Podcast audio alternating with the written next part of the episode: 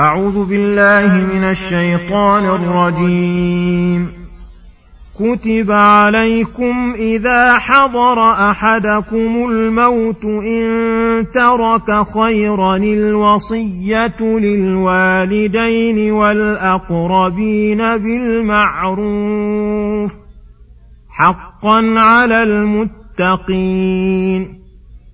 فمن بدله بعدما سمعه فإنما إثمه على الذين يبدلونه. إن الله سميع عليم. فمن خاف من موص جنفا أو إثما فأصلح بينهم فلا إثم عليه. إن الله غفور رحيم. بسم الله الرحمن الرحيم. السلام عليكم ورحمة الله وبركاته. يقول الله سبحانه كتب عليكم إذا حضر أحدكم الموت إن ترك خيرا الوصية للوالدين والأقربين بالمعروف حقا على المتقين. الآيات. أي فرض الله عليكم يا معشر المؤمنين إذا حضر أحدكم الموت أي أسبابه كالمرض المشرف على الهلاك وحضور أسباب المهالك وكان قد ترك خيرا وهو المال الكثير عرفا فعليه أن يوصي لوالديه وأقرب الناس إليه بالمعروف. على قدر حاله من غير سرف ولا اقتصار على الأبعد دون الأقرب فليرتبهم على القرب والحاجة ولهذا أتى بأفعال التفضيل وقوله حقا على المتقين دل على وجوب ذلك لأن الحق هو الثابت قد جعله الله من موجبات التقوى واعلم أن جمهور المفسرين يرون أن هذه الآية منسوخة بآية المواريث. وبعضهم يرى أنها في الوالدين والأقربين غير الوارثين مع أنه لم يدل لم يدل على التخصيص بذلك دليل. والأحسن في هذا أن يقال إن هذه الوصية للوالدين والأقربين مجملة ردها الله تعالى إلى العرف الجاري. ثم إن الله تعالى قدر للوالدين الوارثين وغيرهما من الأقارب الوارثين هذا المعروف في آيات المواريث بعد أن كان مجملا. وبقي الحكم في من لم يرثوا من الوالدين الممنوعين من الإرث وغيرهما ممن حجب بشخص أو وصف. فإن الإنسان مأمور بالوصية لهؤلاء وهم حق الناس ببره.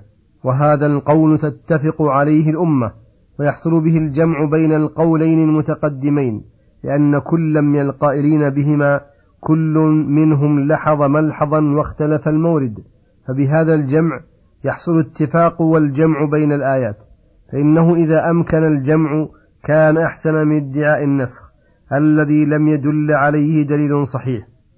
ولما كان الموصي قد يمتنع من الوصية لما يتوهمه أن من بعده قد يبدل ما وصى به قال تعالى فمن بدله أي الإيصاء للمذكورين أو غيرهم بعدما سمعه أي بعدما عقله وعرف طرقه وتنفيذه فإنما إثمه على الذين يبدلونه وإلا فالموصي وقع أجره على الله وإنما الإثم على المبدل المغير.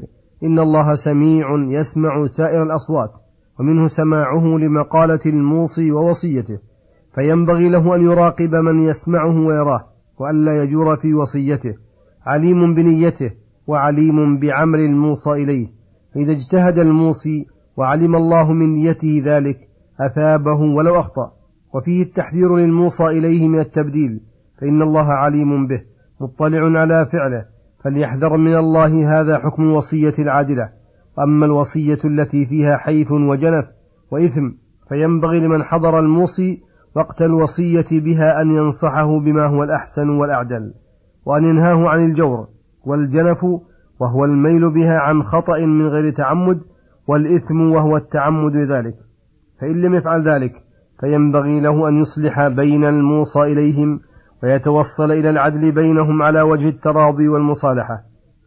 ووعظهم بتبرئة ذمة ميتهم فهذا قد فعل معروفا عظيما وليس عليهم كما على مبدل الوصية الجائزة. ولهذا قال إن الله غفور أي يغفر جميع الزلات فيصفح عن التبعات لمن تاب إليه. ومنه المغفرة لمن غض من, من نفسه. وترك بعض حقه لأخيه لأن من سامح سامحه الله غفور لميتهم الجائر في وصيته إذا احتسبوا بمسامحة بعضهم بعضا لأجل براءة ذمته رحيم بعباده حيث شرع لهم كل أمر به يتراحمون ويتعاطفون.